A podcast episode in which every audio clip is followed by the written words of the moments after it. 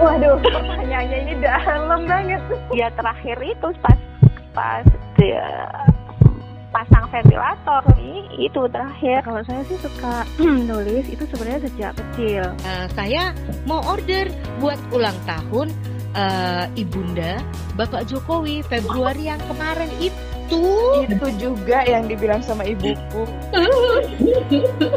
Hanya orang-orang terpilih yang bisa menjadi suami Serius ya. di Rusia berarti tas-tas itu? Iya betul. Kok Bu Mauri nekat-nekatnya sih bikin komunitas? Mereka berbagi tentang dirinya, tentang dunianya. Perempuan-perempuan keren yang penuh inspirasi. Ikuti obrolan seru mereka hanya di Kata Hati, IPedia Radio. Teman baik dunia perempuan.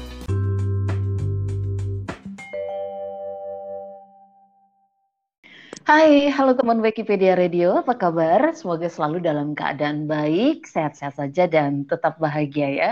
Senang sekali saya Indah Laras kembali menemani teman baik semua di episode kali ini.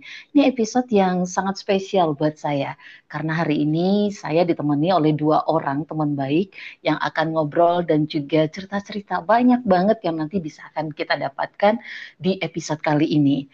Teman-teman, hari-hari ini uh, saat sekarang ini kita banyak sekali banyak sekali kita mendengarkan atau mendapatkan kabar duka. Hati kita sudah terlalu lelah ya mendengarkan kabar-kabar ataupun juga berita tentang kehilangan, berita tentang uh, duka dan rasanya nggak sanggup untuk menerima kabar duka lagi. Di masa pandemi ini pastilah sangat berat sekali pada saat uh, kita semua lagi berduka, kita semua dalam keadaan susah, kemudian orang-orang terbaik dan tersayang kita pergi meninggalkan kita, mungkin tanpa sempat kita untuk uh, mengucapkan kata pisah, tanpa sempat kita melihat keadaan terakhir, tanpa sempat kita memeluk orang-orang yang kita sayangi. Untuk terakhir kalinya, rasanya dan kondisi ini memang berat, nggak cuma buat saya ataupun juga teman baik saya yang nanti ngobrol bersama saya, tapi juga saya yakin berat untuk semua teman-teman di luar sana.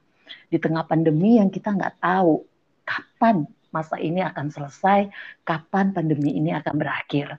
Kehilangan orang-orang terbaik, tersayang, tercinta yang kita miliki di masa pandemi ini pasti menorehkan cerita yang perih, luka yang dalam, cerita yang teramat pedih, tapi ya life must go on.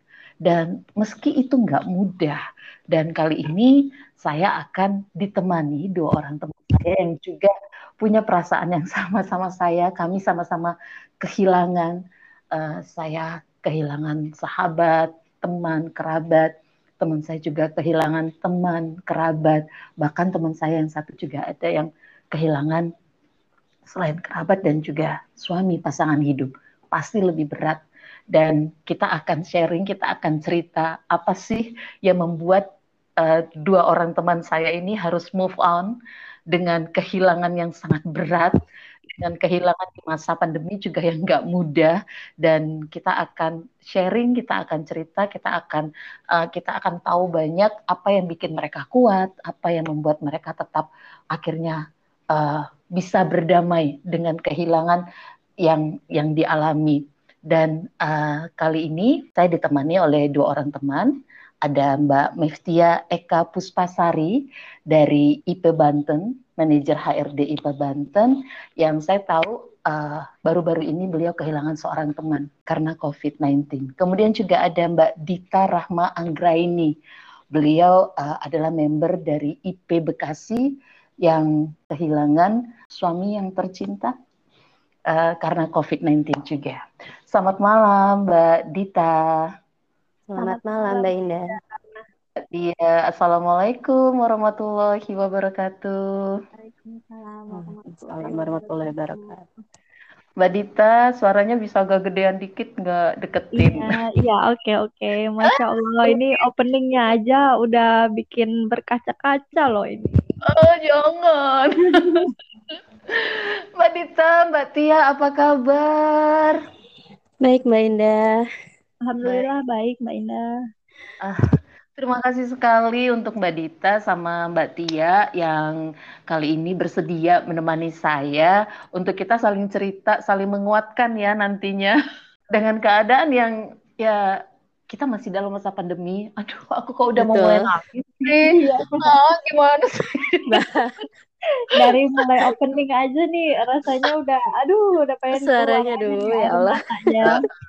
Jadi maafkan kami teman-teman kalau kami nanti bertiga mewek ya. Kenapa sih sebenarnya ini eh, ini saya tampilkan karena saya ngerasa banget karena kan saya baru ngerasain isoman itu kemarin eh, di boleh dikatakan di COVID yang gelombang kedua ini gitu ya. Iya, Saya Mbak. ngerasain isoman, saya ngerasain nggak enak banget yang namanya kena COVID. Kemudian eh, di masa-masa sekarang ini saya bertubi-tubi mendapatkan berita duka teman saya, kemudian juga kerabat saya, saudara saya. Itu yang rasanya tuh saya sama suami itu sempat ngerasa kayak nggak berani buka kalau ada japrian gitu ya. Iya. Kayaknya berita apa lagi gitu. Pada saat-saat kami isoman itu berita itu muncul gitu dan itu bikin mental itu ya down juga ya. Maksudnya down dalam arti betapa cepat banget ya kehilangan itu di saat kami sama-sama dinyatakan positif, kami kami masih bisa melewati eh, masa-masa yang berat. Ternyata teman kami di seberang sana harus ya itu sesuatu yang kadang-kadang kayak kok kok bisa kok bisa yang begitu. Mbak Dita, aku pengen ke Mbak Dita dulu ya. Eh, boleh Silakan. boleh mungkin diceritakan eh, kehilangan suami di masa pandemi ini saya tahu berat banget Mbak Dita.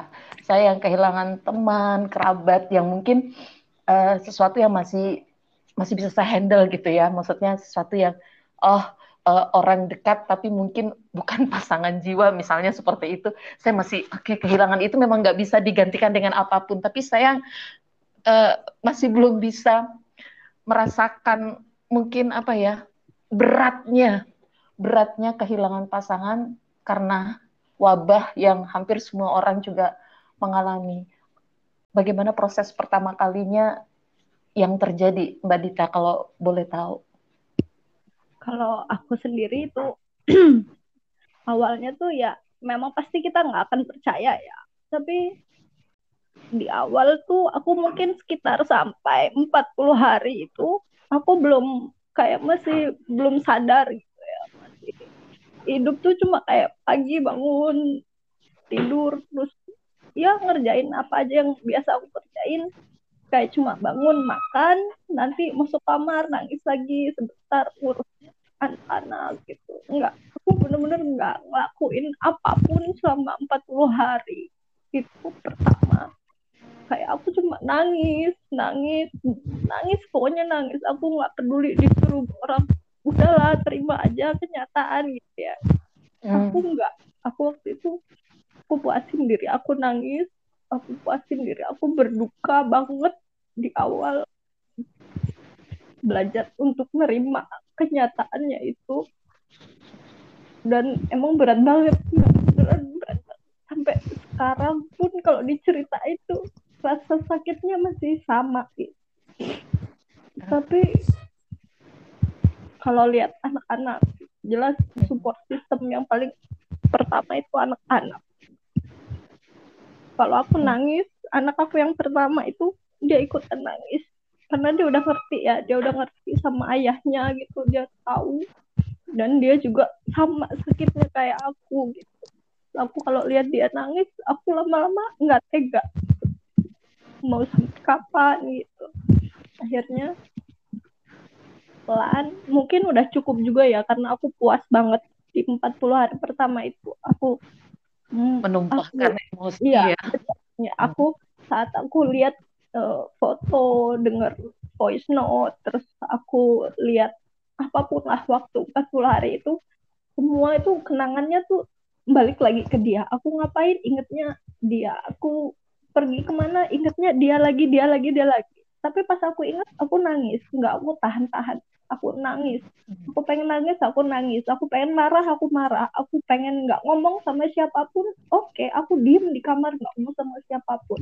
Sampai anak-anak itu aku pasrahin ke orang tua aku tolong tolong jagain dulu anak aku. Aku mau sembuhin diri aku sendiri dulu gitu. Aku bilang kayak gitu ke orang tua aku. Sampai akhirnya juga ya ngerasa sih yang apa anak aku yang pertama itu dia mulai ibu kok nangis terus gitu. Kok begini terus Ah. gitu.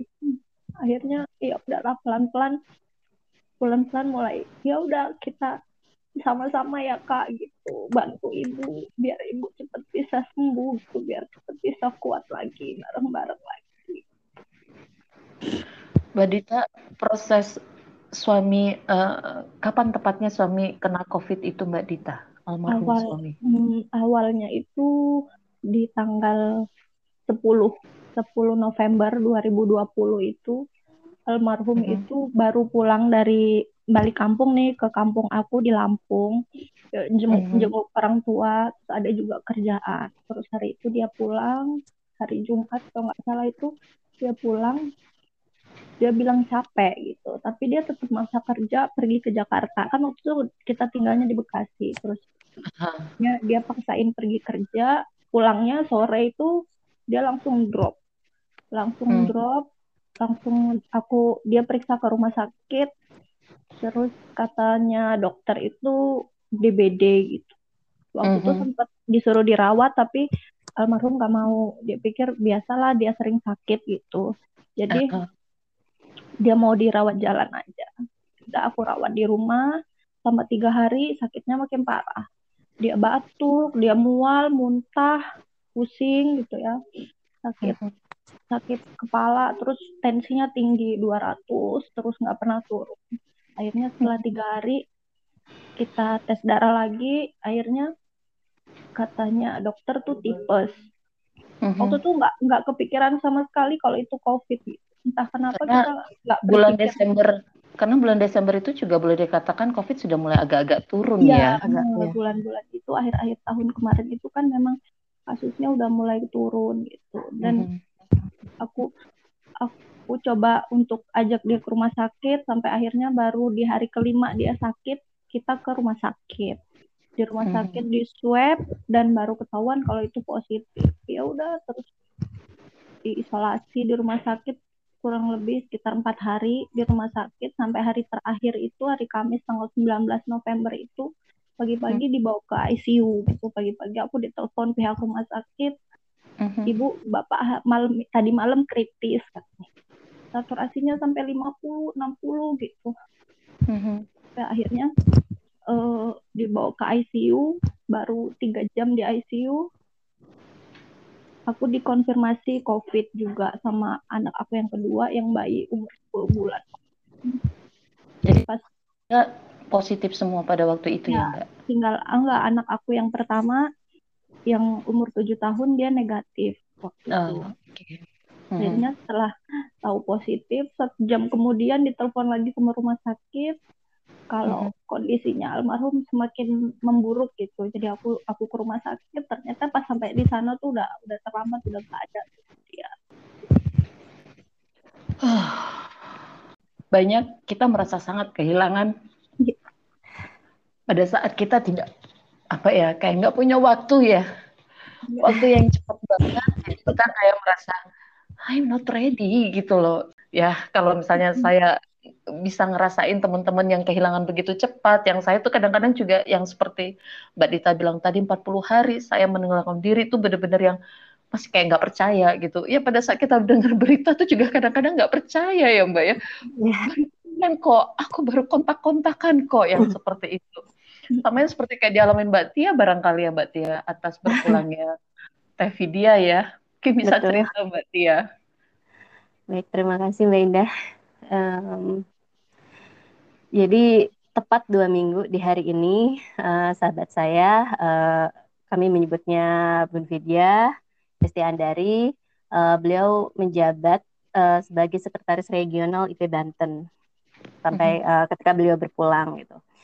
Dan apa ya dulu itu eh, saya berkenalan dengan beliau itu ketika masuk kelas matrikulasi tahun akhir tahun 2018 beliau adalah fasilitator dan dari Mhm. situ kami sangat dekat karena eh, anak kami sekolah di sekolah yang sama dan kami sama-sama jadi anggota komite sekolah kami Mhm. punya hobi yang sama kami punya apa sih eh, passion di bidang parenting yang sama gitu jadi eh, sering banget sering banget sharing gitu sering banget cerita dan apa ya ketika uh, berbalas berbalas status WhatsApp gitu mm. karena uh, karena karena apa ya karena uh, saya pun diajak menjadi pengurus IP Banten tuh karena beliau gitu. Oke. Okay.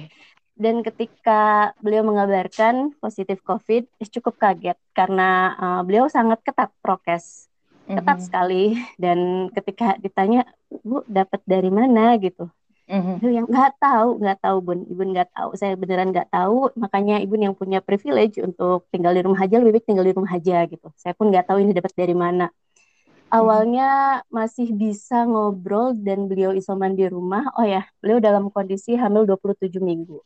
Uh, ketika masih bisa isoman di rumah, ya sering kirimin makanan gitu kan. Terus uh, kami berdua sering ngelawak masih sarik masih kasih dukungan gitu dan sebagainya.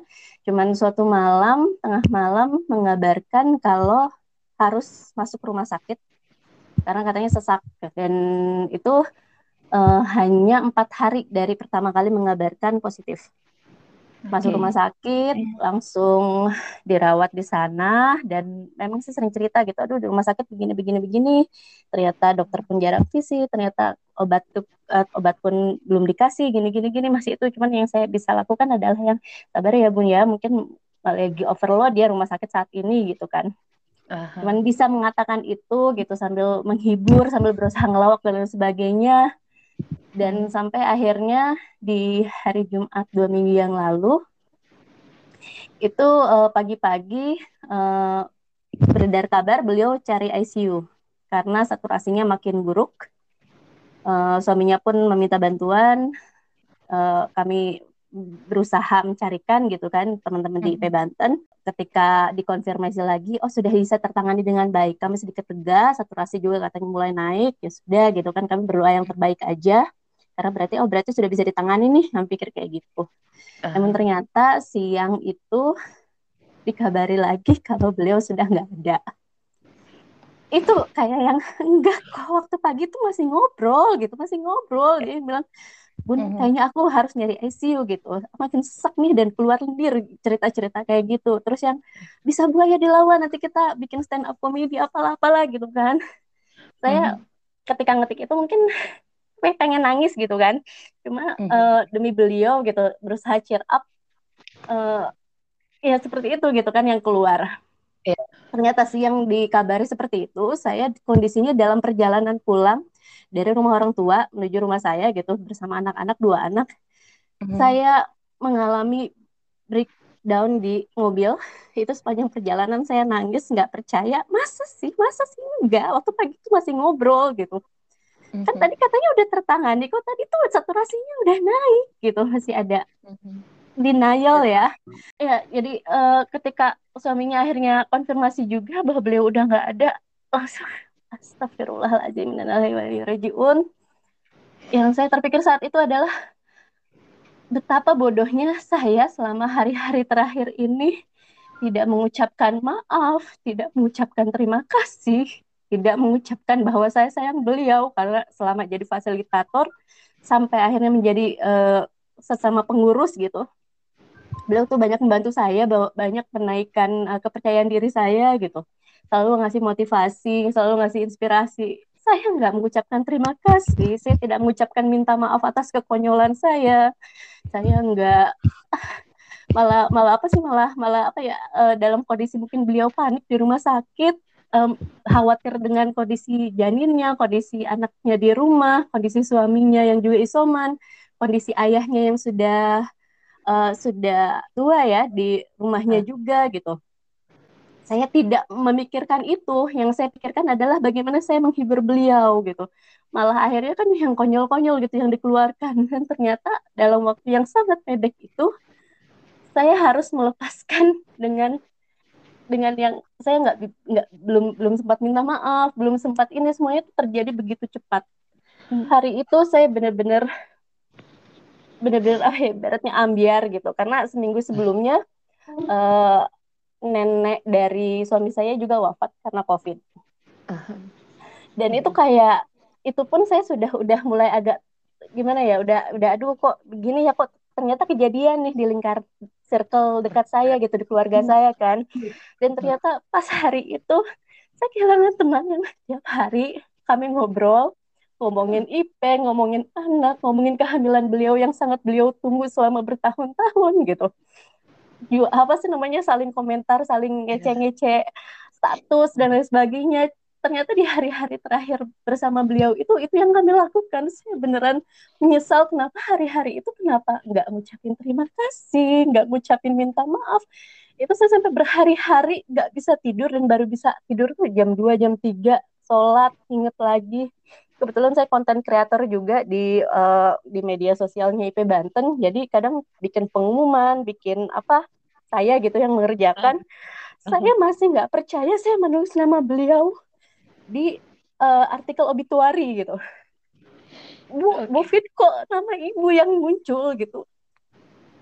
Nggak tahu itu sampai sampai sekitar semingguan masih yang astagfirullah astagfirullah itu sampai yang saya yang jadi daun sendiri gitu sampai suami tuh yang bun ibu Fitu udah tenang di sana gitu. Beliau udah nggak sakit lagi perjuangan beliau tuh udah udah selesai gitu. Harusnya kamu bisa lebih baik dan move on supaya beliau pun bahagia melihat kamu.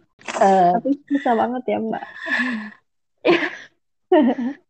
Dan saya jujur tadi dengar ceritanya Mbak Dita jadi yang ya Allah apa kita sama ya Mbak. Saya termasuk yang ngikutin uh, statusnya Teh Vidya di Facebook ya karena yeah. kan kita berteman walaupun mungkin tidak intens tapi sempat pernah mengisi di Banten ya iya mbak ya uh, jadi uh, cukup maksudnya kenal selintas sama Teh Vidya saya ngikutin uh, beritanya dia dan saya termasuk yang saya bisa nge ngebayangin apa yang dialami oleh uh, Mbak Tia dan juga teman-teman di Banten yang sangat dekat Betul, dengan Mbak. Teh Vidya itu saya yang cuman selintas gitu aja saya kaget waktu melihat loh sebelumnya kan tadi udah cari SCU udah dapat what's wrong gitu loh kenapa gitu Iya. tanya tuh ya seperti yang Mbak Dita juga proses Mbak Tia yang alamin proses yang begitu cepat dan rasanya tuh Mbak. kita nggak prepare apa pun ya Betul, karena saya ngerasa yakinnya beliau dalam kondisi sehat, tidak Yes. punya komorbid. Usia pun masih muda kan gitu. Jadi Iya. eh, eh, apalagi ditambah pengalaman teman-teman yang lain yang sudah sembuh eh, Iya. bisa beliau ikuti gitu kan. Cuma ternyata pas itu oke takdir takdir takdir saya mencoba meyakinkan diri saya sendiri sampai berhari-hari sudah itu. Iya, kadang-kadang memang eh, apa pun kita mungkin saat ini eh, masih merasa sangat perih, masih ngerasa sangat terluka. Tuhan punya rencana pasti yang jauh lebih baik untuk kita. Mungkin saat ini kita belum bisa ngerasainnya Iya. karena kita masih ngerasa sakit, kehilangan, masih ngerasa seperti yang eh, Mbak Tia bilang tadi, kok saya nggak sempat ya untuk ngomongnya begini, kok saya belum sempat ngomongnya begini gitu loh. Tapi teman-teman Mbak Dita dan juga Mbak Tia, apa yang bikin gue harus move on nih? Gue harus bukan berarti uh, uh, me- melupakan atau uh, menghindari rasa sedih enggak, tapi apa yang membuat Mbak Dita dan Mbak Tia kuat untuk oke, saya harus jalan, saya harus tetap uh, saya tetap harus move on. Saya sedih, tapi saya harus tetap jalan. Saya harus tetap kuat. Apa yang buat Mbak Dita bisa akhirnya merelakan kepergian suami? Kalau itu ya kayak yang tadi aku bilang yang pertama pasti anak-anak ya. Yes. Jadi gimana pun eh, apa namanya masih masih ada amanah yang harus ditunaikan, yang harus tetap dijaga, yang sekarang masih masih hidup gitu. Yang yang kemarin mungkin iyalah menyesal ya pasti ada ada hal-hal yang aku sesalin karena kenapa kok nggak sempet eh, harusnya aku bisa lakuin lebih baik dari itu tapi kok aku nggak lakuin gitu tapi ya udah namanya udah takdir gitu ya mau disesalin kayak apa pun nggak akan bisa balik lagi gitu Betul. jadi setelah 40 hari itu mulai waktu itu apa namanya hampir udah lebih dari 40 hari itu si anak yang besar mau masuk SD jadi mau nggak mau kayak Hmm. kita ya udahlah ya ayo move on Iya. gitu. bukan bukan berarti terus lupa gitu lupa mungkin nggak akan bisa ya cuma lama-lama Iya. it- eh, sampai sekarang yang aku rasain tuh semakin lama aku semakin terbiasa tanpa dia gitu ya. Jadi Hmm. ya udah mau hmm, apa namanya mau jalan lagi sekarang udah udah udah lebih lega gitu ya artinya. Iya. gitu anak udah mulai mau sekolah gitu. Terus aku aku tadinya pulang ke Lampung kan almarhum dari Bekasi aku bawa pulang aku makamin di Lampung. Setelah Oh. masa id- setelah masa idah aku putusin aku mau hijrah. Gitu aku kayaknya nggak bisa di sini terus gitu makin makin sulit buat aku apa namanya Iya. buat aku move on. Jadi Ah. aku mutusin aku pindah ke Tangerang tempat kakak Hmm, pertama hmm, kan hmm. di sana ditawarin ditawarin sekolah puas Ah. sekolah buat eh, si kakak yang besar ya udah Bismillah deh kita ke sana gitu ya.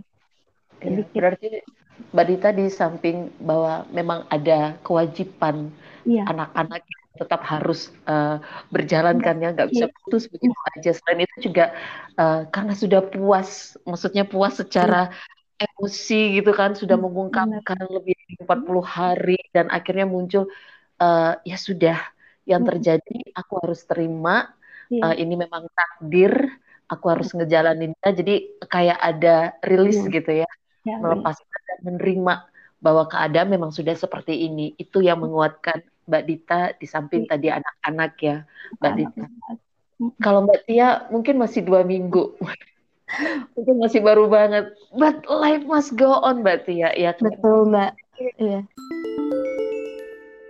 Jadi gini, Mbak, eh, gimana? eh, saya kan di kepengurusan ya. Kami apalagi HRD gitu. Kami tidak bisa terus berlarut-larut. Karena kan ada tanggung jawab juga ya untuk tetap menjaga IP Banten jalan gitu. Walaupun segimana diri kami di dalam itu sangat sedih kehilangan. Tapi ini harus terus berjalan gitu. Gimana ratusan member yang lain. Dan saya yakin almarhumah pun tidak menginginkan hal itu terjadi kan gitu. Jadi saya eh, minta teman-teman yang lain untuk cheer up untuk yang ayo kita apa sih namanya kita move on. Bukan berarti ya tadi kita yang disebutkan Mbak Indah kan bukan berarti melupakan gitu tapi memang harus mengikhlaskan. Dan eh Masya Allah banget ya eh, Bu Vidya ini wafat di hari Jumat dalam kondisi ya hamil gitu dan sudah berjuang dari taat prokes sampai akhirnya kena dan berjuang untuk melawan COVID ini gitu sampai akhir. Itu eh, menjadi sebuah penghiburan tersendiri gitu bahwa yang mudah-mudahan surga untuk beliau gitu. Amin. Ya. Ya. Dan ada di satu titik ketika beberapa hari setelah beliau meninggal, saya biasa mengirimkan penganan buat anaknya gitu. Terus saya kok tiba-tiba bisa melihat status su- suaminya Mhm. berarti kan disimpan kan nomor saya gitu. Terus Iya. eh, saya tanya gitu, Pak eh, simpan nomor saya ya. Terus yang ya Bu saya ingin tetap menyimpan nomor teman-temannya Vidya supaya supaya tetap terjalin silaturahim gitu dan tetap Mhm. eh, Kemal anaknya gitu tetap merasa dekat dengan sahabat sahabat ibunya gitu. Dan di situ pula kan saya nih bisa melihat kegiatan mereka ya. Di situ pun keluarga pun bisa gitu untuk mencoba untuk menjalani kehidupan dengan senormal mungkin setelah kehilangan. Yang eh, saya di situ merasa bahwa yang eh, oke saya nggak boleh sedih nih ini ada keluarganya gitu. Mhm. yang pasti lebih kehilangan yang pasti lebih sedih gitu. Jadi saya nggak nggak boleh berlarut-larut seperti ini. Mhm. lalu akhirnya dari situ gitu mulai mulai mengumpulkan lagi kan semangat yang sempat tercecer eh, bikin kegiatan doa bersama waktu eh, pekan kemarin gitu tidak cuma untuk almarhumah Bu Vidya tapi juga ada beberapa keluarga member IP Banten yang wafat karena COVID gitu. Dan di situ pun terlihat bahwa yang member lain juga butuh untuk dimotivasi dalam masa-masa yang kayak gini itu benar-benar yang kayak gelap banget gitu ya. Betul. yang di sinilah kami sebagai pengurus gitu berusaha untuk eh, apa tuh namanya mendorong mereka untuk mencari pelanginya sendiri, mencari oasenya sendiri, mencari sinar mataharinya sendiri gitu dalam kondisi yang ini benar-benar yang emang nggak enak banget gitu. Dan apalagi saat acara kemarin itu ada sambutan dari keluarganya almarhumah Bu Mhm. yang yang mereka mengucapkan terima kasih, yang mereka juga apa sih namanya merasa bahagia em, melihat teman-temannya eh, masih tetap eh, bisa tetap ingat dan bahkan menolong gitu dari awal uh, Bu Vidya sakit dan bahkan berlanjut gitu sampai uh, sampai saat itu kan. Itu uh, secara tidak langsung bagi saya bagi teman-teman di kepengurusan bahwa yang oke okay, keluarga sudah ikhlas nerimo mm-hmm. ayo kita juga jalan lagi. Karena pastinya sebagai sekrek beliau sudah mempunyai program beliau punya visi misi gitu dan hmm. kita nggak mau itu tuh malah tidak tercapai karena kami terlalu larut dalam kesedihan gitu jadi yeah. yang saya lakukan adalah meng, sampai melihat chat-chat lama dengan beliau gitu selain karena iya. kangen karena harus melihat lagi uh, peta peta misi visi beliau untuk IP Banten tuh kayak gimana dan masya Allah banget gitu all out sebagai seorang sekrek di situ kelihatan banget dari tulisan-tulisan dan pesan-pesan yang kayak sekarang tuh terasa kok secara nggak langsung kayak nitip ya gitu karena iya. kayak mungkin udah ada rasa yeah. tidak akan bisa menyelesaikan amanah sampai tuntas gitu dan mhm. di situlah mm-hmm. yang membantu kami untuk yang ayo kita mulai yuk kita bikin lembaran baru mm-hmm. memang sedih memang kehilangan tapi memang harus diikhlaskan ya yeah. Saya uh, melihat satu persamaan dari Mbak Dita dan juga Mbak Tia serta teman-teman di IP Banten bahwa menyediakan waktu untuk berduka itu ternyata sangat penting dan sangat, Mbak ya. Banget, ya. banget banget. Mbak Dita uh, setiap orang berbeda-beda waktunya ya Mbak Dita dengan hmm. 40 hari memuaskan diri untuk benar-benar mengungkapkan rasa, mengungkapkan emosi dan dan uh, eh, IP Banten eh, IP Banten juga kemarin saya lihat ya 10 hari berkabung ya, tidak memposting apa pun gitu memberikan off. Uh, ya uh, off untuk kegiatan. kegiatan apa pun ya di IP Banten selama 10 hari untuk masa berkabung untuk uh, Teh Vidya dan juga uh, kerabat atau saudara-saudara dari IP Banten yang lainnya yang juga meninggal karena COVID. Saya melihat bahwa ternyata memang waktu berkabung ini, waktu berduka ini memang sangat dibutuhkan ya oleh kita pada saat kita kehilangan ya teman-teman ya. Benar. Karena ya. karena itu yang bikin kita jadi kayak punya turning point gak sih untuk kita bangkit iya. lagi segala rasa tuh kayak harus dialirkan dulu gitu sebelum hmm. akhirnya bisa menerima kenyataan bahwa yang Betul. ya ini memang harus ya ini terjadi karena kehendak Allah gitu dan pasti ada hikmah di balik ini gitu. Dan iya. ketika itu saya dihantam kabar duka itu seminggu tiga tiga waktu itu nenek dari suami Kemudian Bu Vidya beberapa hari kemudian itu paman dari mama yang sudah saya anggap sebagai kakek dan cukup dekat dan bahkan kami berbisnis bersama gitu. Wafat juga karena Covid gitu. Jadi kayak yang kok dihantam terus-menerus ya gitu. Cuman iya. apa sih melihat keluarganya Bu Fit juga saya juga harus merasa menjadi sebagai penyemangat buat suami juga yang kehilangan keluarga dekat, penyemangat mama saya juga gitu. Jadi oke okay, kamu bersedih, tapi di sisi lain uh, Allah tuh sayang mereka gitu. Mm-hmm. Sudah apa? Sudah uh, menyelesaikan dalam tanda kutip uh, perjuangan mereka melawan COVID. Ini bukan kalah loh, tapi uh, mereka mendapatkan tempat yang lebih baik. Dan kita yeah. tinggal bagaimana yang masih ada ini yang berjuang di sini untuk melanjutkan hidup gitu dan mereka pasti yang sudah nggak ada pun nggak ingin kita terus berlarut dalam kesedihan. Mikirnya gitu aja gitu. Ini bahkan sudah sampai dua minggu sekarang masih terus meyakinkan diri saya untuk tetap berpikir positif seperti itu. Betul uh, Mbak Tia. Karena uh, pada saat kita mengalami down itu kita butuh banget tidak hanya diri kita tapi juga orang-orang di sekitar kita tuh sebenarnya butuh banget support system. Seperti yang Mbak Dita tadi sampaikan yeah. Ya. uh, mengakui kalau aku tuh butuh bantuan mengakui hmm, seperti Mbak Dita tadi sama si kakak ya. Kakak tolong bunda tolong ibu biar ibu bisa sembuh. Biar ibu bisa kuat. That's the power kalau aku bilang bahwa kita harus mengakui bahwa kita lagi bersedih. I need your help. Ya kan?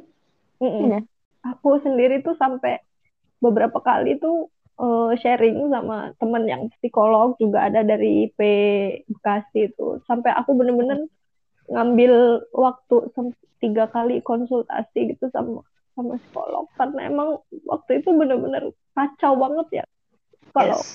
keluarga sendiri tuh kayak keluarga aku tuh tipenya yang nggak nggak bisa nggak bisa sedihnya tuh nggak bisa kelihatan gitu. mereka support supportnya tapi lebih ke menghibur gitu nggak kayak mm. oke okay, kamu nangis nggak apa-apa gitu enggak mm. aku aku ah. nangis uh. sendiri aku sedih sendiri gitu tapi mereka kasih aku waktu mereka Mhm. kasih aku waktu mereka bantu urus anak aku aku mau Ya. apa mereka bantu turutin tapi mereka Mhm. nggak yang di samping aku meluk aku pokoknya Mhm. yang nggak nemenin nangisnya aku gitu cuma anak aku yang yang besar sama aku ya gini konsul ke psikolog aku telepon "Ya, nggak apa-apa nangis aja mbak kalau memang lagi pengen nangis jangan Mhm. ditahan nangis Lagi Iya. pengen marah-marah pengen apa pun apa yang lagi dirasain dikeluarin aja jangan ditahan katanya itu bikin kita lebih lebih cepat recovery-nya. Mhm. Apalagi healingnya kita juga lebih cepat juga ya karena Mhm. memang kadang-kadang yang yang bikin kita berlarut-larut dengan dengan dengan rasa sedih dengan rasa luka pada saat kita tidak mengakui Iya. tidak kita denial dengan luka itu Masih tetap dengan denial ya. rasa bahwa I'm okay nggak apa-apa kok. Iya tapi Saya masih nulis satu artikel untuk fanspage IP Banten dan Hmm. sekarang eh, text suggestion di ini saya di apa sih namanya di ponsel saya itu tiap kali menulis kata vidya eh, suggestion teksnya berikutnya itu eh, itu udah tertulis rahimahu rahimahullah gitu. Rahimahullah. Ah, jadi kayak yang oke Tia sudah ayo gitu sudah ikhlaskan aja. Memang Iya. memang begini padahal sebelum sebelum itu ketika menuliskan nama beliau saya masih tetap bisa menangis yang kok nama ini? gitu yang harus saya tulis gitu. Kan kalau sekarang sudah lebih yang ikhlas dan melihat suami serta anak-anak anaknya juga gitu yang eh, mereka berusaha untuk menjalani hidup normal itu juga sangat membantu gitu. Dan bagaimana sekarang fokus untuk eh, apa ya membantu keluarganya eh, kita lebih fokus ke situ aja untuk sekarang. Mbak Dita anak-anak gimana Mbak Dita anak-anak alhamdulillah sih kalau yang besar itu udah sekarang udah mulai apa ya mungkin dia dari kecil terbiasa jauh dari ayahnya karena ayahnya sering keluar kota gitu. Jadi kalau Mhm. untuk keseharian sebenarnya dia nggak begitu terpengaruh. Cuma Mhm. kadang sesekali kalau dia ingat gitu, dia masih sering nangis. Bahkan kalau ingat dia yang nangis duluan gitu. Aku nangis Mhm. karena ngelihat dia nangis. Hmm. Hmm. Kalau dia mimpi ketemu ayahnya, dia dalam mimpi Hmm. dia cerita terus kita doa bareng udah gitu aja kadang karena sekarang lagi deket gitu paling apa namanya makan bareng-bareng gitu dia Hmm. kalau eh, apa namanya kalau inget dia cuma dia bisa cuma bisa doain tapi dia dia alhamdulillah tuh tegar banget. Terus dia gampang mengekspresikan apa yang Hmm. dirasa di hatinya dia dia kangen dia bilang gitu. Dia Hmm. sedih dia sedih gitu. Dia bilang bu Pati lagi sedih gitu. Hmm. kenapa? Pati inget ayah. Ya udah nggak apa-apa sedih gitu. Pati inget ayah apa gitu. Aku terus gali gitu perasaannya. Aku nggak nggak mau bikin dia tuh aku nggak mau tahan apa yang dia pengen itu karena kan dia juga sama kayak aku gitu sama-sama kehilangan sama-sama trauma gitu Iya. ya dia cerita dia bilang "Eh, dulu Fatih kalau pengen apa ada ayah yang ngasih gitu Hmm. pengen pergi ke sana pasti pergi sama ayah gitu Fatih dulu kan mau pergi ke sini ya bu jalan-jalan sama ayah begini begini gitu dia dia Hmm. cerita gitu. Perasaannya tentang ayahnya dia bisa ungkapin dengan baik gitu. Aku pikir itu Allah. apa namanya salah satu yang bikin aku bisa terus cepet move on gitu. Karena anak aku aja bisa sekuat ini gitu. Dia yang masih tujuh tahun aja Hmm. recovery-nya bisa begitu cepetnya gitu. Kenapa aku enggak gitu jadinya kita bangkit bareng-bareng sih sama-sama Peluk jauh Mbak Dita. Iya. Peluk untuk anak-anak ya. Iya. Untuk Mbak Dita juga, untuk Mbak Tia juga. sedih ya kalau ngomongin soal anak-anak Ya, mereka tuh sekaligus juga guru ya. Guru yang apa ya, mentor hidup kita ya. Menguatkan kita. Fase masih sering nangis itu selama berapa hari setelah Bufit meninggal dan nenek meninggal itu sering kepergok anak karena biasanya kan eh, apa selalu terlihat ceria gitu galak. Tapi saat itu benar-benar berapa hari itu selalu ngeliat saya selalu berurai air mata gitu bahkan saat masak. Justru yang mereka proof bahwa perasaan oh ibu sedih makanya ibu nangis gitu. Kayak yang Oke. oke terima kasih sudah menerima itu. Yes, betul banget. Dan memang kita harus kita harus apa ya memperlihatkan ke anak-anak juga gitu loh. Iya. Kita juga punya rasa pada saat kita sedih ya kita nangis, kita tidak berdaya, mereka tahu, Iya. mereka harus tahu itu gitu loh. Iya. Mempelajari rasa-rasa yang seperti itu juga biar mereka jauh lebih peka ya terhadap Betul. Eh, ya segalanya. Oke, ini kalau Ini luar biasa, luar biasa banget makanya putranya Mbak Dita ini. Pas kabar duka datang bertubi-tubi itu yang eh, saya tuh kayak ngericek perasaan mama, perasaan mertua karena kan ibunya meninggal ya. Perasaan Heeh. suami bahkan sampai segede itu tuh eh, beliau cerita gitu ketika dikabarin kan tengah malam ya bahwa neneknya beliau dekat banget sama neneknya gitu. Dan Heeh. itu tuh eh, meninggal kan akhir Juni, awal Juni tuh sempat pulang ke Cirebon dan ketemu setelah lama nggak ketemu gitu. Jadi kayak yang alhamdulillah ya masih bisa ketemu gitu. Cuman katanya beliau cerita malam itu tuh benar-benar nangis tuh nangis sampai nggak bisa tidur dan itu benar-benar nangis. Bayangin suamiku kan tinggi besar ya. Aduh kamu nangis ya ya gitu sambil ketawa-ketawa kayak gitu. Padahal saya bisa ngerasain kepedihannya dari su nada suaranya gitu. Jadi setelah Iya. itu tuh selalu checking perasaan kamu hari ini gimana gitu. Perasaan kamu hari ini Hmm. gimana.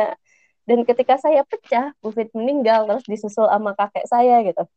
Heeh. Jadi kami saling saling bertanya itu buat buat validasi perasaan kan karena Iya. biar apa biar saling nanyain ketika salah satu don satu harus menguatkan dan Iya. eh, ngurusin anak kan karena kayak dikasih waktu buat menyendiri gitu loh mbak gitu jadi kan, kan saya nggak bisa ya itu gitu ketika mbak Dita cerita kan jadi yang astagfirullahaladzim Iya, aku bisa ngerasain banget ya orang yang satu positif, satu nggak positif, atau positif dua-duanya yang satunya memburuk, yang satunya Iya. enggak, atau dua-duanya Iya. memburuk.